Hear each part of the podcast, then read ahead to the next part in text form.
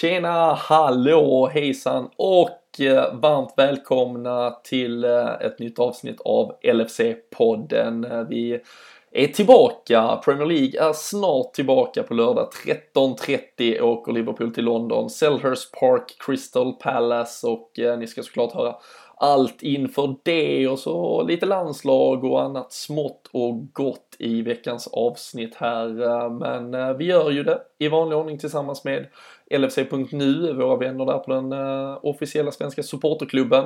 Och uh, så uh, våra vänner på spelbloggare.se, de sitter kvar i båten, hänger med här ett tag till och när nu allsvenskan snart drar igång så firar de också med att köra igång en ny specialpodd. Mister Allsvenskan Jonas Dahlqvist och gamla meriterade mittfältaren landslaget, bland annat eh, Pontus Farnerud. Eh, de snackar upp allsvenskan, så in på spelbloggare.se, hitta deras podd där eh, tillsammans då med alla oddsjämförelser och tips, bettingidéer och annat. Men nu är det dags för bältet på och så kör vi igång veckans avsnitt.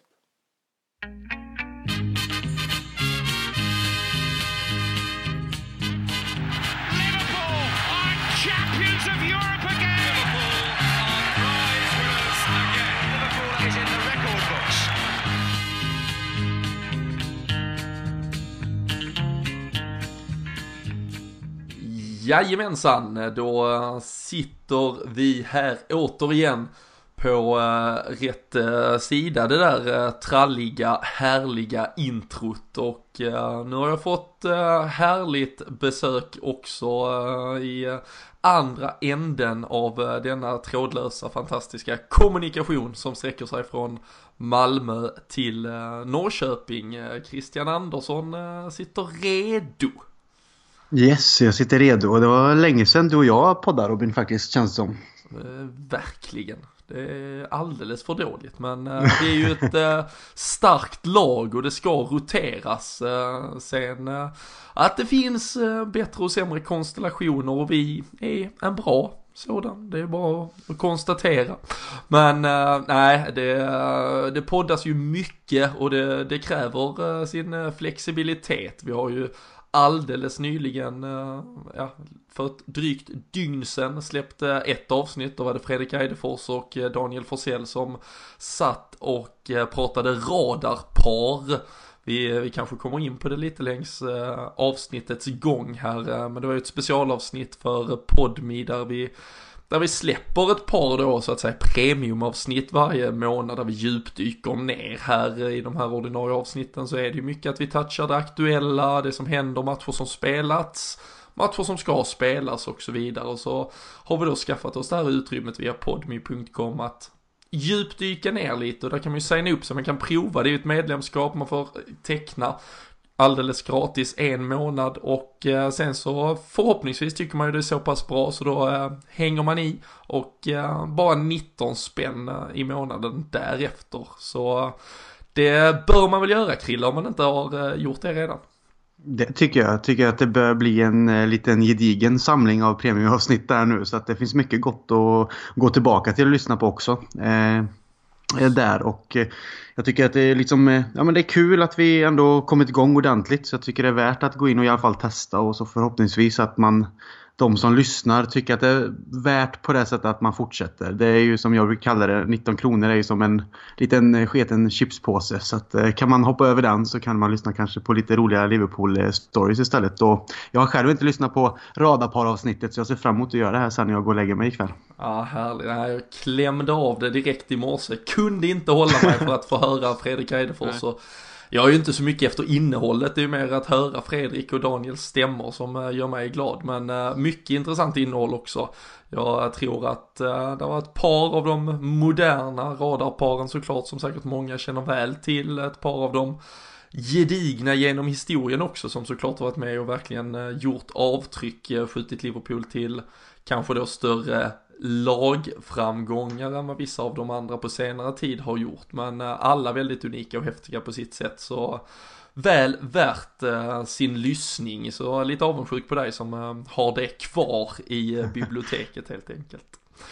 Annars har det varit en eh, men, landslagsvila, eh, kallar ju vi det nästan i poddsammanhang. Man märkte eh, att eh, man, man saknade något i helgen. Det har ju såklart spelats oerhört mycket fotboll, liksom en lång landslagshelg som började nog redan i torsdags, framförallt i fredags var det väldigt mycket av dem heta lagen in action och fortsatte ju fram till igår tisdag då och återigen där var det också många av de stora lagen, många av de stora nationerna som faktiskt har drabbat samman mot varandra också. Sverige har ju såklart också spelat fotboll. Eh, hur eh, är din eh, relation till det Krille, vad, vad tar du med dig från eh, just det här? Jag ser ju det lite som chansen att andas ut. Jag tror min kära familj ser lite samma sak också. Ja, det är ju så. Jag är ju ingen landslagsfantast eh, egentligen, även om det såklart är kul att följa Sverige när man är i stora mästerskap. Så. Men jag tycker att det är lite av ett helvete när man har Liverpool-spelare iväg på landslagssamlingar. För man är ju rädd att det alltid kommer dyka upp en skada. Och ja, vi kommer säkert komma till det. Det händer ju också. Så att eh, det är ju just den biten som jag inte gillar. Och sen tycker jag väl inte att det är lika roligt som Premier League heller. Men jag tittar lite på Sverige Chile. Men jag tittar inte på matchen senast här och jag har inte följt med så jättemycket om jag ska vara ärlig. Jag håller ju på att flytta också så det har varit mycket eh, sådana saker som har stått i vägen för eh, fotbollstittandet. Men jag passar på när det inte är Premier League. Ja, ja men det är helt rätt. Det, det, är ju lite så, man, eh, man har ju plötsligt, eh, det är, det är, väl först när man liksom då inte har det i sitt liv man märker hur mycket tid det annars fyller. Man, jag satt både lördagen och söndagen och sa, jaha, vad gör man nu? Egentligen, men äh, det är ju äh, trevligt att ibland slås av den känslan att det faktiskt finns lite tid över, för även om nu konsumerar jag ju såklart nästan all Premier League-fotboll, men även om det bara är en Liverpool-match som är 90 minuter så är det ju ändå en timme innan kommer startelvan, man har redan suttit några timmar innan och börjat tänka, bli nervös. Och efteråt så, ja, då tar det ju sina timmar innan man är på banan igen också, så det kan ju både mm, för, förgylla och förstöra en helg. Så det var ganska skönt att vara ganska neutral faktiskt. Sen äh, blev det ju dock, äh, som du sa, det kunde ju blivit äh, värre känns det som, men direkt fredag kväll, först ut i, i action var ju bland annat England som tog sig till Amsterdam, Holland, där hade vi fem Liverpool-spelare från start, Virgil van Dijk, Gino Wijnaldum i Holland, van Dijk, kapten i Holland, kanske borde vara aktuell för det i Liverpool också. Ska vi nog prata lite om senare. Och eh, sen då Alex Oxlade Chamberlain och Jordan Henderson i en mittfältstvåa faktiskt. Eh, då har man väl lite känt att Oxlade kanske inte skulle vara redo för. Men eh, fick det förtroendet av Southgate i en 3-4-3. Men det tog bara 10 minuter. Sen var en sån där skada ett faktum däremot. Joe Gomez. Och nu ska man ju inte liksom vara taskig men kanske ändå den bästa att Eh, han gick ju sönder av de där fem, trots allt. Men eh, ryktas nu om en månad borta. Nathaniel Klein är på väg tillbaka, men eh, där och då kände man väl just den där sucken Krille att vad fan, nu händer det igen. Ja, ja, det är liksom så många matcher ändå som jag tycker Liverpool har spelat det senaste utan någon eh, skada som egentligen har, har gjort att någon varit borta längre, förutom de som har varit borta sedan tidigare då. Jag tycker vi har haft en 11 som har varit eh, rätt så, ja men den har varit stabil eh, under lång tid och så kommer landslagsuppehållet och så, som du säger, det tar inte lång tid och så är det rapporter om en skada direkt. Och som du, som du också säger så är det ju tråkigt att kanske tycka att ja men tur att det var Gomes men jag tycker lite synd om han med för han har ju redan haft ett skadehelvete mm. och han har ju någonstans också kommit och konkurrerat den här säsongen med eh, Alexander Arnold och, och liksom den spelare jag gillar och ser har en stor framtid i Liverpool. Så jag, jag, tycker det är synd för jag tycker att också att vi kommer behöva honom under den här äh, slutspurten som kommer också. Så att eh, även om Klein är tillbaka så han inte spelat fotboll på väldigt, väldigt länge. Så att eh, jag gillar inte att det är en eh, högerback som har gått sönder faktiskt. Nej. Uh, ryktas ju uh, en månad uh, på sidlinjen nu och nu är det ju otroligt intensivt matchande här med såklart uh, kvartsfinalerna mot City City och så vidare, en liga som ska avgöras eh, åtminstone i position två och neråt. Eh, och eh, nej, det är klart vi vill ha alla friska. Och, och som du nämner, det känns som vi har varit eh, liksom förskonade ganska länge, men så kommer och det här måste ju såklart någon kanske fysiolog, eh, liksom någon som studerar detta bättre svara på egentligen, men känslan utan att egentligen ha några belägg är ju att det blir mer skador vid landslagssamlingar än generellt. Uh, Andy Robertson fick ju också en smäll här i Skottlands avslutande match.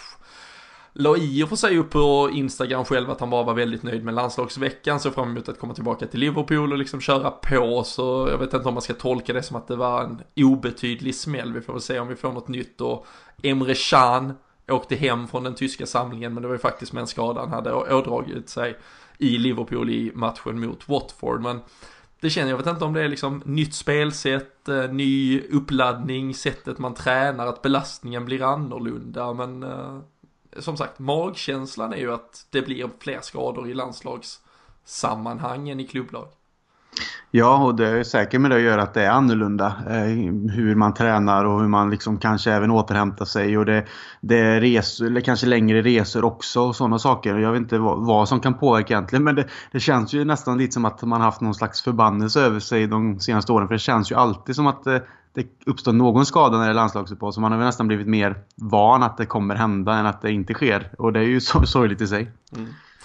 Vi, uh, vi ska inte fastna för mycket i, men vi nämnde ju som sagt Virgil van Dijk, lagkapten i eh, uh, Kumans nya Holland. Uh, de missade ju chansen att ta sig till VM på grund av Sverige. Så det är ju ett nybygge som ska ske där. Gino Wijnaldum var också startande i båda Hollands eh, matcher här. Eh, Jordan Henderson och Slade Chamberlain verkar få väldigt mycket förtroende i England.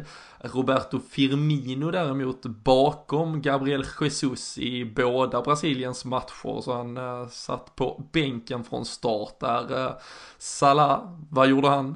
Mål, såklart. Uh, mot mm. Portugal uh, gjorde 1-0 målet där och sen gjorde Ronaldo visserligen 1-1 och 2-1 i 93 respektive 96 minuten kan man ju känna är lite Fergie time kanske som har uh, hängt med honom. Men uh, mest intressant kanske ändå är ju spelaren som inte får chansen och Adam Lallana uh, gått från jag vet att han är en av dina favoriter var, åtminstone liksom i slag, den typen av spelare han är då. Men eh, har det ju tufft i Liverpool just nu, har det uppenbarligen väldigt tufft i England och eh, det verkar inte riktigt finnas en, en plats för honom där heller. Är det Får man vara så taskig som att man säger att det är början på slutet här för Adam Lallana? Han eh, var i truppen men ja, fick egentligen inget förtroende alls av Southgate. Ja, jag är lite rädd för det. Jag vet att jag och Eidefors diskuterade också för vi båda gillar ju Lalana och den spelaren som han var för i starten av förra säsongen. Han var ju kanske den första man ville ha med i startelvan men Tyvärr så tror jag att de här skadorna sett till att han snart också är 30 år och att på det sättet som Liverpool också utvecklas som lag så tror jag faktiskt att det är början på slutet. Så att är det så att han vill själv vara kvar och att han blir kvitt skadorna och han kommer liksom upp till en standard igen så är han absolut med i gamet utan tvekan. Men annars kan det ju vara så att han också är en, en utomordentlig truppspelare. Men jag vet inte om han själv är nöjd med det. Men tyvärr så tror jag inte att han kommer tillbaka samma slag. Jag får gärna ha fel i det här men det jag får den känslan lite och precis som du säger nu i England också att de, de kanske ser på honom på träningar och annat liksom att han kommer inte upp på samma nivå och andra har tagit kliv så att eh, det är tråkigt men jag tror faktiskt att det kan vara så. Mm. Och eh, jag tycker väl egentligen vi lämnar landslagssummeringen där. Nu eh, är spelarna tillbaka på Melwood. Det är väl det vi helst eh, fokuserar på. Och på lördag 13.30 tidig avspark som man då hinner eh, klämma innan. Eh, man behöver kanske vara lite sådär påsksocial eller något om man har någon tillställning framför sig. Väl avvägt såvida man inte tvingas på någon påsklunch eller annat. Men jag, jag, tvingas, jag tvingas bara flytta. Jag ska flytta hela påsken så det är det enda jag kommer göra. Ja, ja men då får du fan släppa lådorna där i 90 minuter i alla fall. Ja. Men uh, steget är ju faktiskt inte långt heller från uh, åtminstone engelska landslaget till uh, helgens motstånd. Roy Hodgson är ju en brygga mellan både mm. Liverpool Palace och uh, det där landslaget. Så En på äh, gammalt äh, Sportbladet Premier League-podd Patrik Sykman så var det ju segway utan dess äh, like hit till matchen i så fall. Och äh, Crystal Palace är ju ett lag som verkligen har det tungt. Det är väl eh, liksom inget man behöver eh, ens djupdyka i för att eh, konstatera. Och man har visserligen två poängs marginal till nedflyttningsstrecket just nu. Men det är med en match mer spelad bland annat och det som troligtvis kommer vara avgörande för dem, förhoppningsvis inte på lördag, är ju också hur Wilfred Zaha återhämta sig. Han har ju varit skadedrabbad under säsongen, han var tillbaka mot Huddersfield. De vann ju senast, de tog en 2-0 seger och hade fyra raka förluster innan dess. Men uh, utan honom så har man alltså förlorat 10 av 10 matcher. Man har bara gjort mm. fyra ja. mål på de här 10, släppt in 23. Medan man med honom då har sju vinster, nio oavgjorda och faktiskt bara förlorat fem. Det är ju liksom ett, ett trots allt liksom väldigt okej okay facit. Det är ju ett facit som åtminstone tar en uh, till en säker plats i Premier League. Hur, um, vi kan väl börja lite, Roy Hodgson relation, det finns en Benteke, det finns en Martin Kelly. Vad, vad är känslan inför eh, Crystal Palace? Känslan är väl god sett som till vad du säger här med deras form och sen eh, om nu Zaha är borta så förlorar de ju en väldigt, väldigt stor dimension i sitt spel vilket vi ser på statistiken att det har påverkat dem. Och en eh, Liverpool-bekanting i Benteke har ju också haft svårt. Även om man trodde att han skulle passa in bättre i ett Crystal Palace med sin spelstil så har ju han inte alls kommit till sin rätta. Så att han känns väl också som en spelare som tyvärr har liksom gått från att vara en stjärna i Aston Villa och bli köpt av eh, med liksom en stor summa pengar av Liverpool och kanske ha någon slags eh, ja, skulle få någon slags superstjärna-status där också. Så har han ju bara dalat hela vägen ner. Så att eh, vi får hoppas att han inte växt till liv såklart mot Liverpool. Men det känns ju som att vi har ett rätt så bra övertag här i våran fart och fläkt med vårt spel. Så att ja, känslan är väldigt god inför Palace. Men sen har vi ju haft lite trubbel med dem de senaste åren. Vi minns ju som sagt eh, silversäsongen om man kallar det så. Eh, sådana matcher. Det har ju varit lite ibland där det kanske har blivit eh, eh, Ja men det har haltat lite i spelet mot Palace. Men just nu känns det väl som inför den här matchen att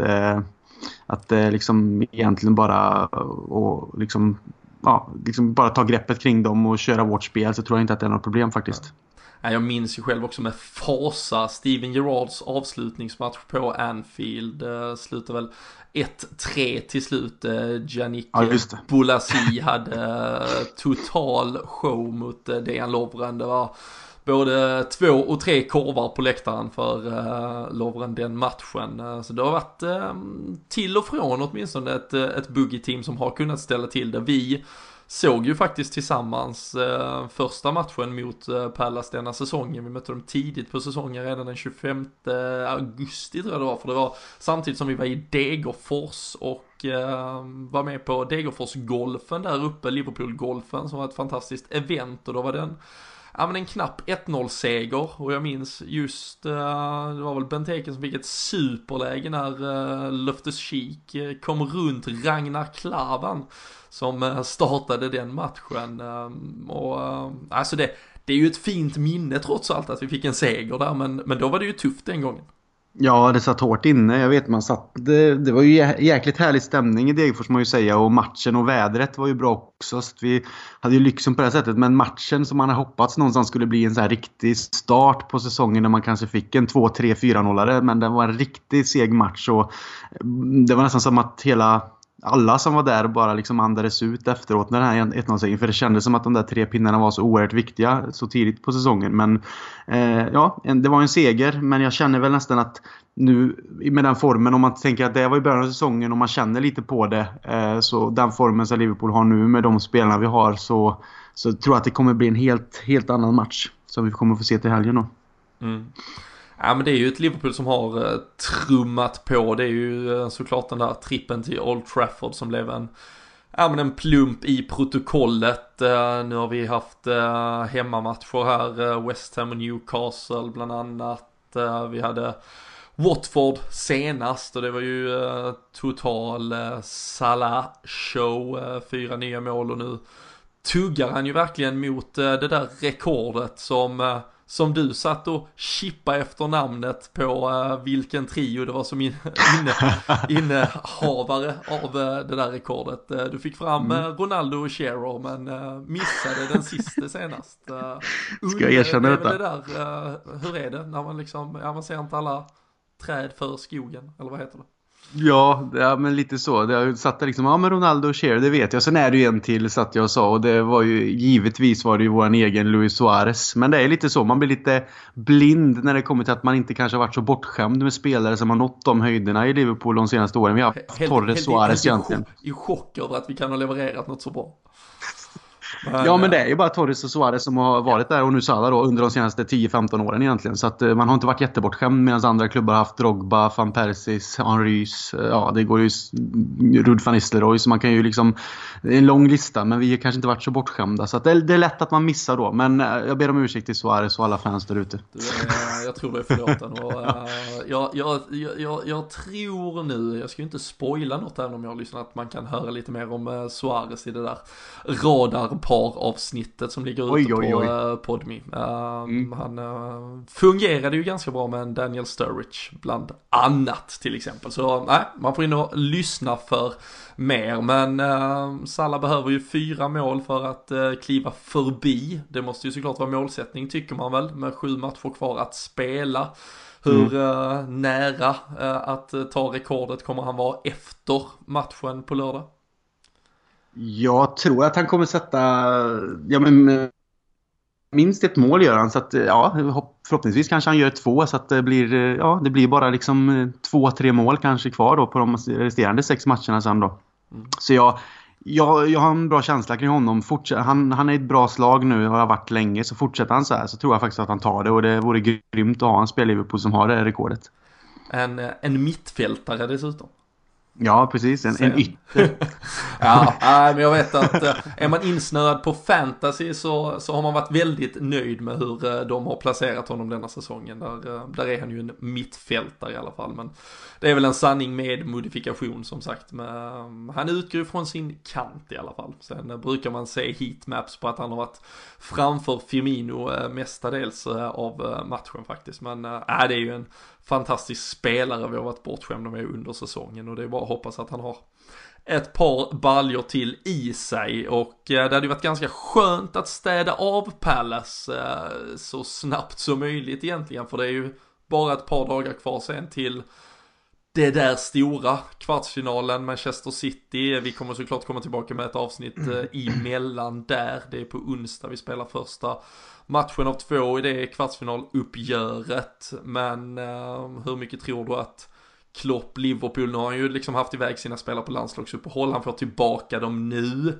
Det, han vill ju inte prata om rotation och han tycker att han ska kunna spela hela laget varje match i stort sett. Men här blir det ju nästan lite extremt eh, känns det som. Tror du han vågar liksom blicka ditåt också? Eller är han så pass fokuserad på varje match än så länge?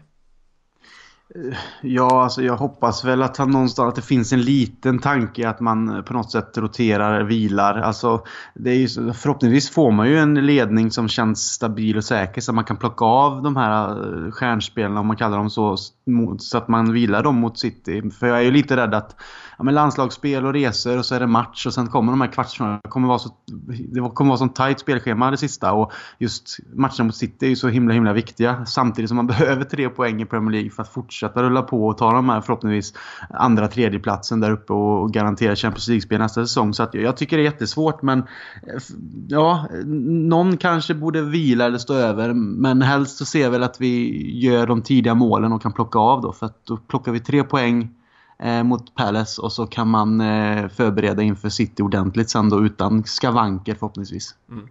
Ja, och det känns ju bra. Vi var inne på det lite inledningsvis. Jag nämnde eh, Firmino har ju troligtvis då blivit liksom rankad tvåa i det där brasilianska landslaget i nummer nio positionen. Gabriel Jesus var den som startade båda matcherna här under landslagssamlingen så han eh, fick ju inte så många minuter i benen och han är ju en av dem som sannoliken har sprungit mycket under säsongen så eh, välbehövlig vila för honom eh, kanske då trots allt lite lättare träning istället och få fokusera på det och eh, Sadio Mané vilades i Senegals första match och så vidare. Så vi har ju kanske haft lite tur med ett par av våra stöttespelare som då inte har, framförallt inte gått i sönder men som heller inte har liksom hårdmatchats på det sättet.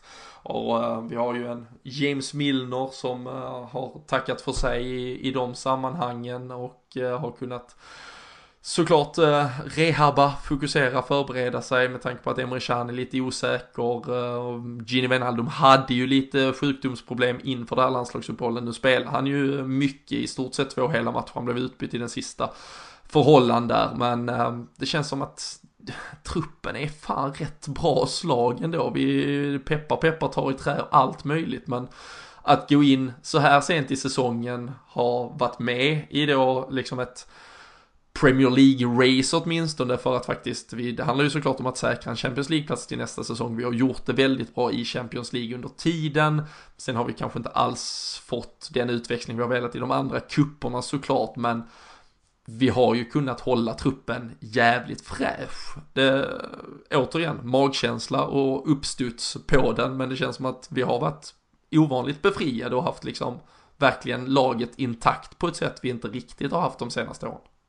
Ja, jag håller med. Vi har haft eh, både tur och sen kan det ju vara skicklighet i det med beroende på, men vet man inte, man har inte insyn riktigt på hur de tränar och, och hur liksom fysiot är i klubben. De kanske ändrat sätt också som hjälper eh, med all den tekniken som finns idag när man mäter eh, hit och dit. Men eh, det känns som att vi har gått en hel säsong utan större och skador som var, eller, och, och, längre skador. Det är ju egentligen Lalana då som man ser, men han, det har ju hängt i så pass länge så man har nästan glömt av honom tyvärr. Men eh, nu landslagsuppehållet att det, det, är ju bara skönt att det vilades lite och att ingen av eh, fronttrean eh, fick några skavanker eller skador. Och sen var jag väl lite rädd för van Dijk också för han har ju varit väldigt, väldigt viktig sen han kom in i laget och stabiliserat upp hela backlinjen egentligen. Så jag var väl lite så att hoppas det inte händer någonting med honom för då eh, hade jag blivit riktigt, riktigt orolig faktiskt. Mm.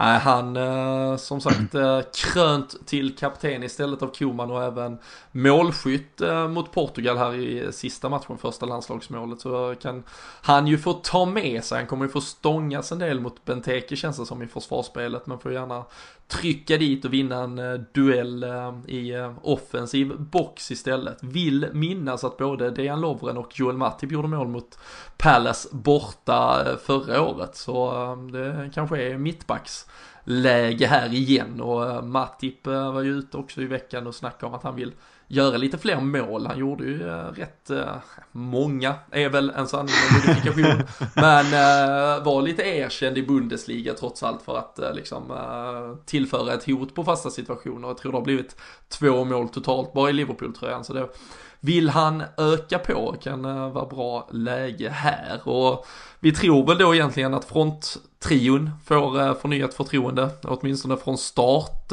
Och där är ju inga skavanker rapporterade där i alla fall.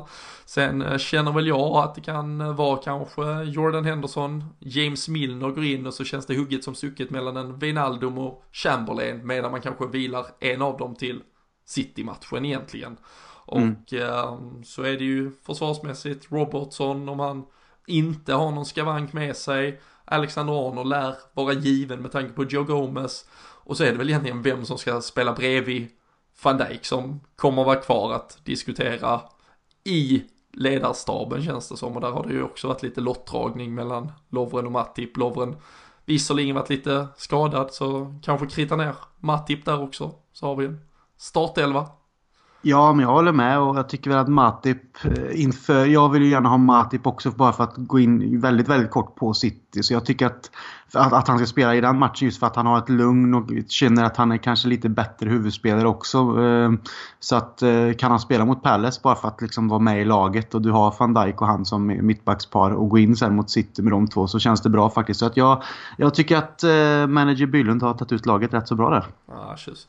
Ska ju faktiskt sägas, jag, jag, har ju, jag är ju sannoliken en kritiker till den Lovren och har ju varit ganska brydd med hur eh, Joel Matip också har presterat men uh, tycker faktiskt han mm. gjorde det jävligt bra mot Watford uh, senast och då ska man ju ära det som äras bör och lite som du är inne på så har jag svårt att liksom även om jag kan tycka det är lite hugget som stucket i vissa matcher vem av Lovren och Matip som spelar. Men att se Dejan Lovren gå in för ett fullsatt jävla kokande Anfield på onsdag mm. mot Manchester City.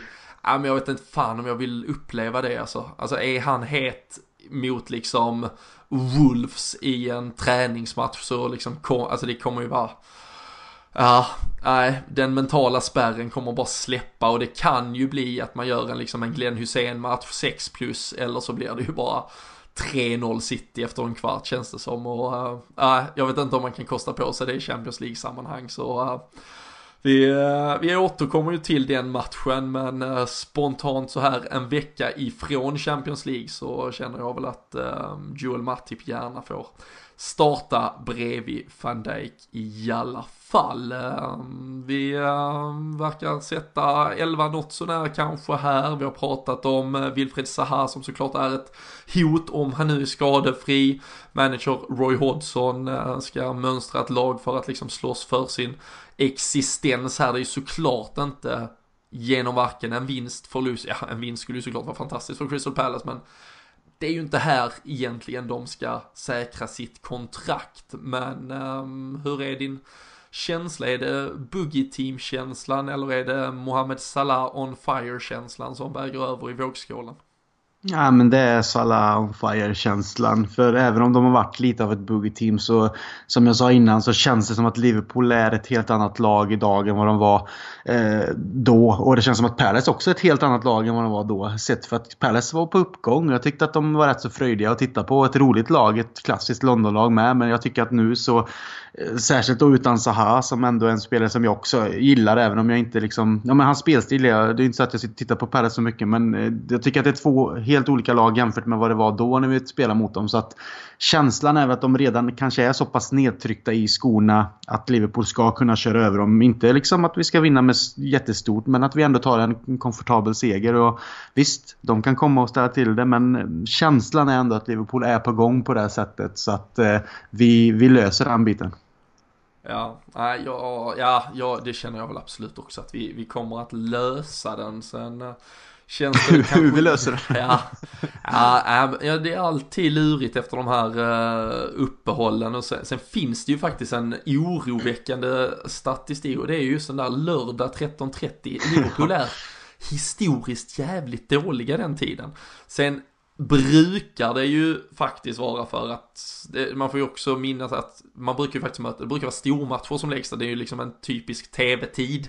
Eftersom den här 15.00 eller klockan 4 i Sverige, den tv-sänds ju inte i England. Så, så ska det vara stormatch, då ska den ju till den tidiga lördagen, sena lördagen eller över till söndagen så att säga. Men vi har eh, sämre eh, poängsnitt eh, på, på den tiden än vad vi har på övriga. Eh, den där 18.30, det var ju så vi pulveriserade Watford eh, bland annat. Där, där är vi som bäst. Och eh, det hoppas man ju att vi inte ska behöva liksom eh, tänka någonting på. Jag antar att eh, truppen åker ner till London på fredag kväll och vaknar upp utvilade och redo eh, inför den här drabbningen ändå. Men eh, alltid svårt att eh, liksom vara helt säker på vad som komma skall efter landslagsuppehåll, eh, liksom eh, ganska kort tid att då samla truppen, åka ner redan på fredagen och så vidare. Men eh, det finns ju heller inget som tyder på att Mohamed Salah har slagit av på takten och eh, jag tror som sagt också att eh, det här med att eh, Firmino inte har varit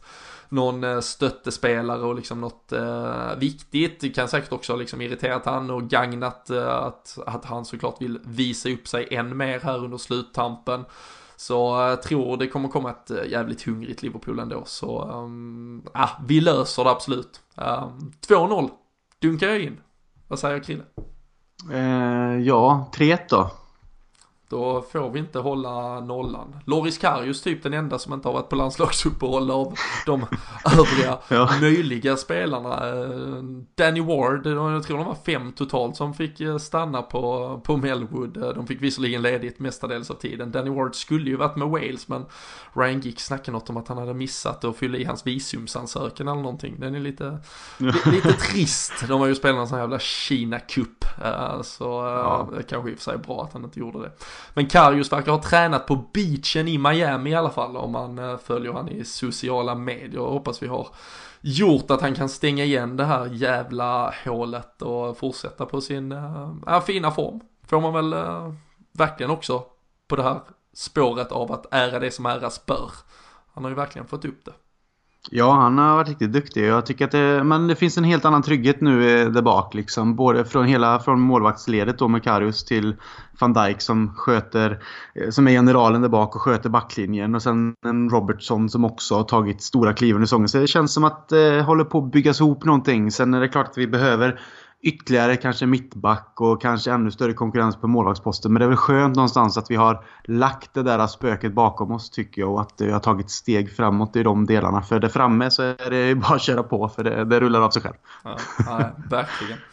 Vi, eh, vi ska väl säga det egentligen tycker jag också här innan vi, eh, vi lämnar Crystal Palace-matchen helt och hållet. Vi var inne på det att eh, vi tillsammans såg den där matchen under eh, tidiga hösten, eh, sensommaren, eh, riktigt jävla härligt väder och folk runt omkring oss hade vi ju där i Degerfors och de kör ju den här Degerfors-golfen eller Liverpool-golfen i Degerfors i år igen. Um, årets datum är um, kanske därför jag blandade ihop det men jag vet att det var något liknande då men det är 25 augusti som gäller detta året i alla fall. Eh, 204 platser finns där och jag vet att de nästan har fyllt alla nu.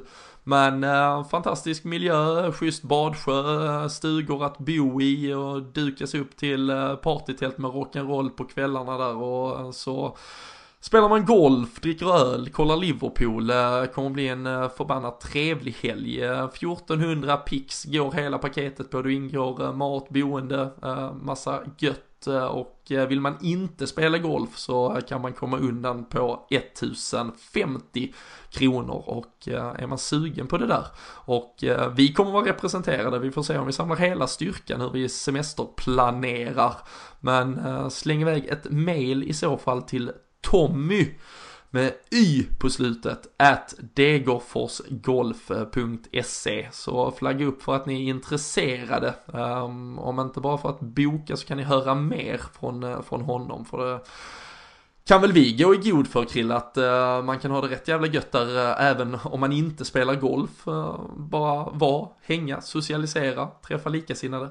Ja, ja, det var ju du och Kalle som kom till mig i Norrköping eh, kvällen innan och vi träffades här och tog några bärs och sen så körde vi ju till Degerfors dagen efter på lördagen och det var ju en liten bit, kanske lite längre än vad man hade eh, trott. Man, ja, det var ju inte så många mil men det var ju inte så jävla ut, eh, liksom, utbyggd Nej. logistik där uppe.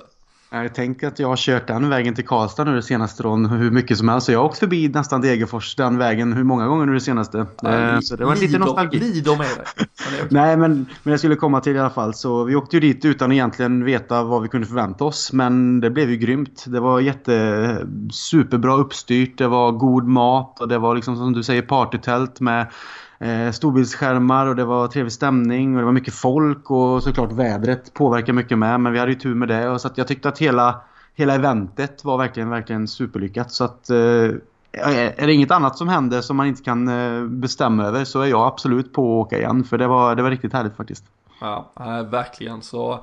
Äh, dra ett mail till tommy at degerforsgolf.se helt enkelt. Äh, finns ni på lite sydligare breddgrader och äh, är sugna på eh, öl redan om några veckor så rekommenderar jag däremot äh, vår Storträff Syd som vi dunkar av igen. Brukar ju vara ett äh, jävla hedundrande event. Äh, vi hade ju John Aldrich över i höstas.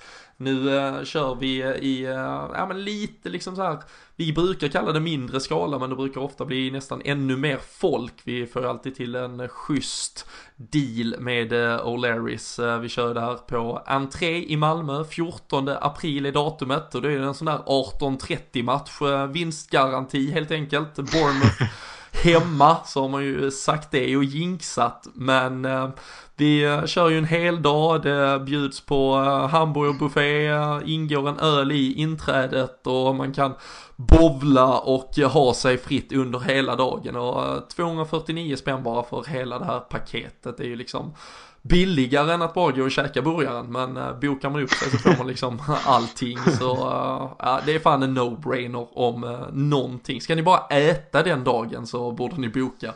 Men eh, in på lfc.nu för att eh, ta reda på mer om det helt enkelt. Eh, mycket kul på gång och eh, ja, men det gillar vi ju såklart. Eh, kul när fans samlas och med tanke på Champions League och allt som lider här lite längre fram så ja, det kommer att finnas utrymme för mer sånt tror jag.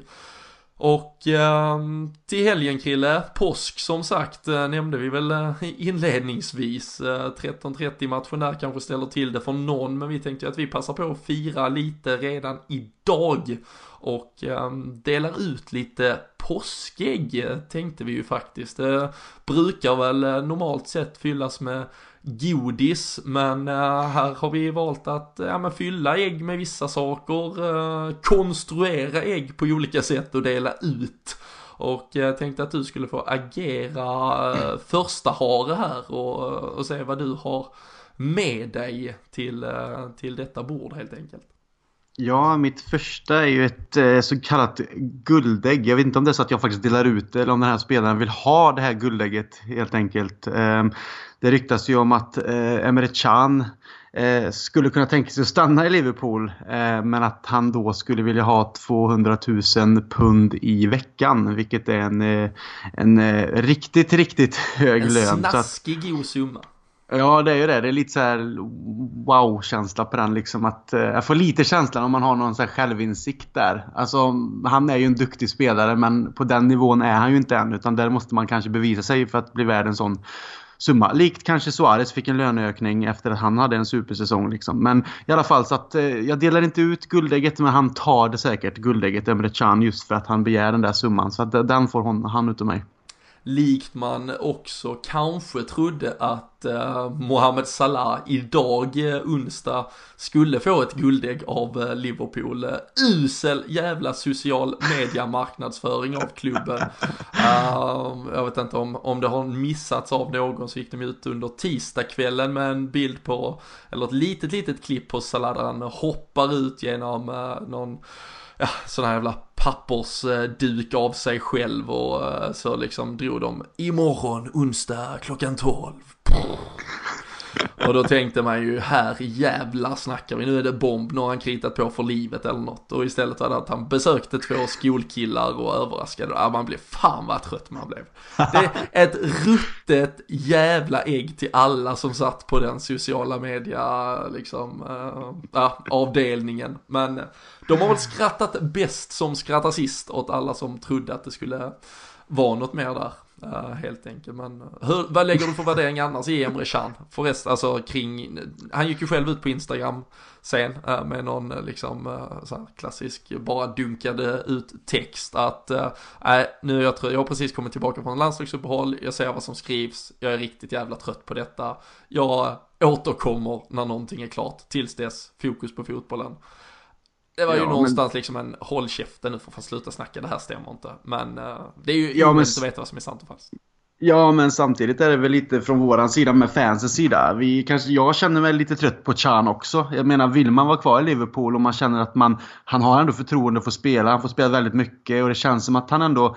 Jag tycker att han är duktig. Han behöver ta några snäpp till, absolut. Men jag, jag gillar ändå Emre Chan och har gjort från första början. Men jag tycker också att vi sitter väl och är trötta på hans, liksom att även om han skulle krita på ett kontrakt för oss, vilket jag inte tror dock. Men det är väl det här liksom att, precis som han säger att, ja men håll käften, jag orkar inte lyssna mer, bla bla. Så bara, ah, men håll käften själv. Vi orkar inte sitta och vänta, vänta mer. Utan vill du spela för Liverpool, då får, kommer du få ett säkert luk lukrativt eh, kontrakt som fungerar. Det är bara att krita på, för då har du viljan att spela i den tröjan. Men är det så att du tvivlar, då blir det liksom så här, ah, ja men då kommer du ändå gå gratis i sommar. Så att då är det ju skitsamma egentligen. Så att... Eh, jag har gärna kvar honom i klubben men jag börjar tröttna på hela situationen. Eh, och det är ju tråkigt att han går bossman då såklart. Eh, om det är så att, han, att vi inte får några pengar för honom. För hans värde har väl stigit ändå sen vi köpte honom såklart. Man hade velat se sociala medier-kriget när eh, Krille lägger upp på sin Instagram. Håll käften och skriv på kontraktet istället.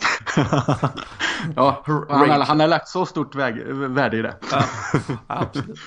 Uh, jag tycker faktiskt själv, jag, jag har ju ett par uh, påskägg också, men uh, jag tyckte att uh, vi fans faktiskt fick ett tidigt påskägg redan förra veckan. det är väl på, nej det är på torsdagar som man ska ut och, och påska i alla fall, men det här var ju förra torsdagen i alla fall och det var ju i och med James Milners inträde på Twitter och eh, även Instagram, men eh, Twitter där har han ju blivit lite kultförklarad eh, med tanke på kontot Boring James Milner som jag tror alla som lyssnar på denna podden också har kommit i kontakt med. Men han gjorde ju verkligen, han, han liksom, han såg läget, han gick inte in och var bitter över att någon gjort sig rolig på hans bekostnad, typ i år och dag känns det som.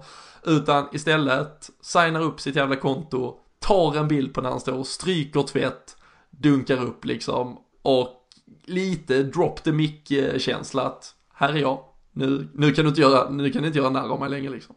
Nej, det är asskönt. Jag tycker att det är grymt gjort. Så att det, förhoppningsvis fortsätter han lite där. För det blir ju lite bygga varumärke kring honom med. För att han, han hörs och syns ju inte så mycket annars förutom när han är på fotbollsplanen. Så det är väl lite kul om han kan vara lite aktiv där och skapa lite humor på det sättet för oss som följer honom. Liksom. Så att det, det, det är all, all heder till det. Jävligt befriande i liksom en vecka där eh, Zlatan har köpt eh, helsidesannonser i LA Times, samarbetar med bettingbolag, inviger padelcenter ja, vad, vad, har han inte gjort? Filmar i slow motion med Samsung eh, så, så kommer James ja. Milner och bara liksom, ja men jag kör en tvättbräda här liksom. Fan, det är dags att stryka tvätten. Ja, underbart. Ja, ja fantastiskt. Har um, du några andra uh, ägg att uh, dela ut? Mm, jag har ett, eh, det är väl påskens hårdkokta ägg då tänkte jag och vill jag gärna ge till, eh, inte en spelare som har på något sätt glömts bort av några fans eller av oss här i podden men med den fronttrion vi har så är det ju lätt att andra spelare kommer lite i skymundan men därför höjer jag ännu en gång eh, Robertson för att jag tycker att han har tagit de eh, alltså han har tagit sådana otroligt stora kliv sedan han kom till Liverpool. Det man sett av honom innan när han spelade i Hall var ju liksom inte mycket. Man visste inte riktigt vad man kunde förvänta sig. Priset var bra. Det pratades om att han liksom är ung och talangfull. Men jag tycker att han tillhör kategorin eh, bland de bättre. Om inte faktiskt den bästa vänsterbacken just nu i Premier League. Annars är han faktiskt eh, bland de bättre. Jag tycker att han bidrar med otroligt mycket i, i, i det spelet som han ger eh, laget. Så att, eh, och sen gillar jag att han kämpar hela tiden. Han, han ger sig inte. Han är inte så stor men han springer, han är ettrig, han tacklar, han kommer med inlägg. Han, han borrar borrar ner huvudet och springer liksom. Så att eh, därför får han det hårdkokta påskägget av mig då. För att han är lite av den här eh, slitvargen men ändå en tekniskt duktig spelare tycker jag. Ja, vi får hoppas att han är så pass hårdkokt så att han håller eh, på lördag nu då med tanke på att det är lite skadebekymmer gick ut. Den, eh, den där lårkakan har han checkat upp. Ja, det, det, det är klart. Han, han har huggt av den och strimlat ner den i ett äh, ägg som han ger, ger vidare senare till någon. Men, nej men absolut. Jag tänkte faktiskt ge ett litet påskägg till Mohamed Salah också. Och tänkte att jag fyller det med lite, ja, lite näsdukar och servetter. Tycker jag att han kan ta med sig ut på banan framöver. Han var ju vänlig nog efter Watford-matchen eh, och sina fyra mål och gick fram till målvakten när de tackade och sa I'm sorry. Vilket är, ja, äh, äh, liksom James Milners självdistans är ju äh, fenomenal men att också kunna Ja men någonstans blir det liksom att fotbollen plötsligt blir jävligt liten. Det är inte, den är liksom inte hela den här cirkusen som den är. Men plötsligt är det två människor som har spelat fotboll och de älskar att spela fotboll. Den ene vet att fan, jag besegrade dig big time denna matchen. Men liksom, det är ju bara fotboll. Och, äh, ja men det är ju snyggt äh, av Salah och jag hoppas och tror ju att han ska nå det där rekordet. Så han kommer ju kanske knäcka en och annan både försvarare och målvakt äh, under våren här. Så han får ha med sig lite näsdukar och servetter helt enkelt.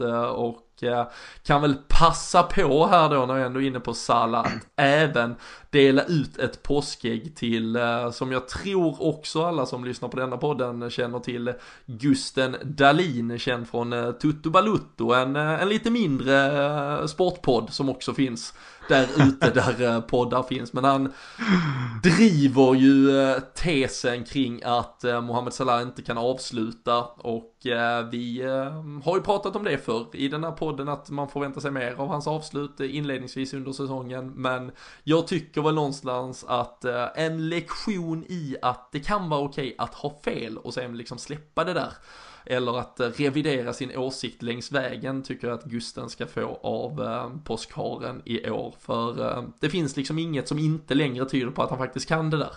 Det får se stabbigt och dåligt ut men all statistik visar på att han är tillsammans med Icardi den bästa avslutaren i världen just nu. Han sätter fler av sina skott än, än Messi, än Kane och så vidare.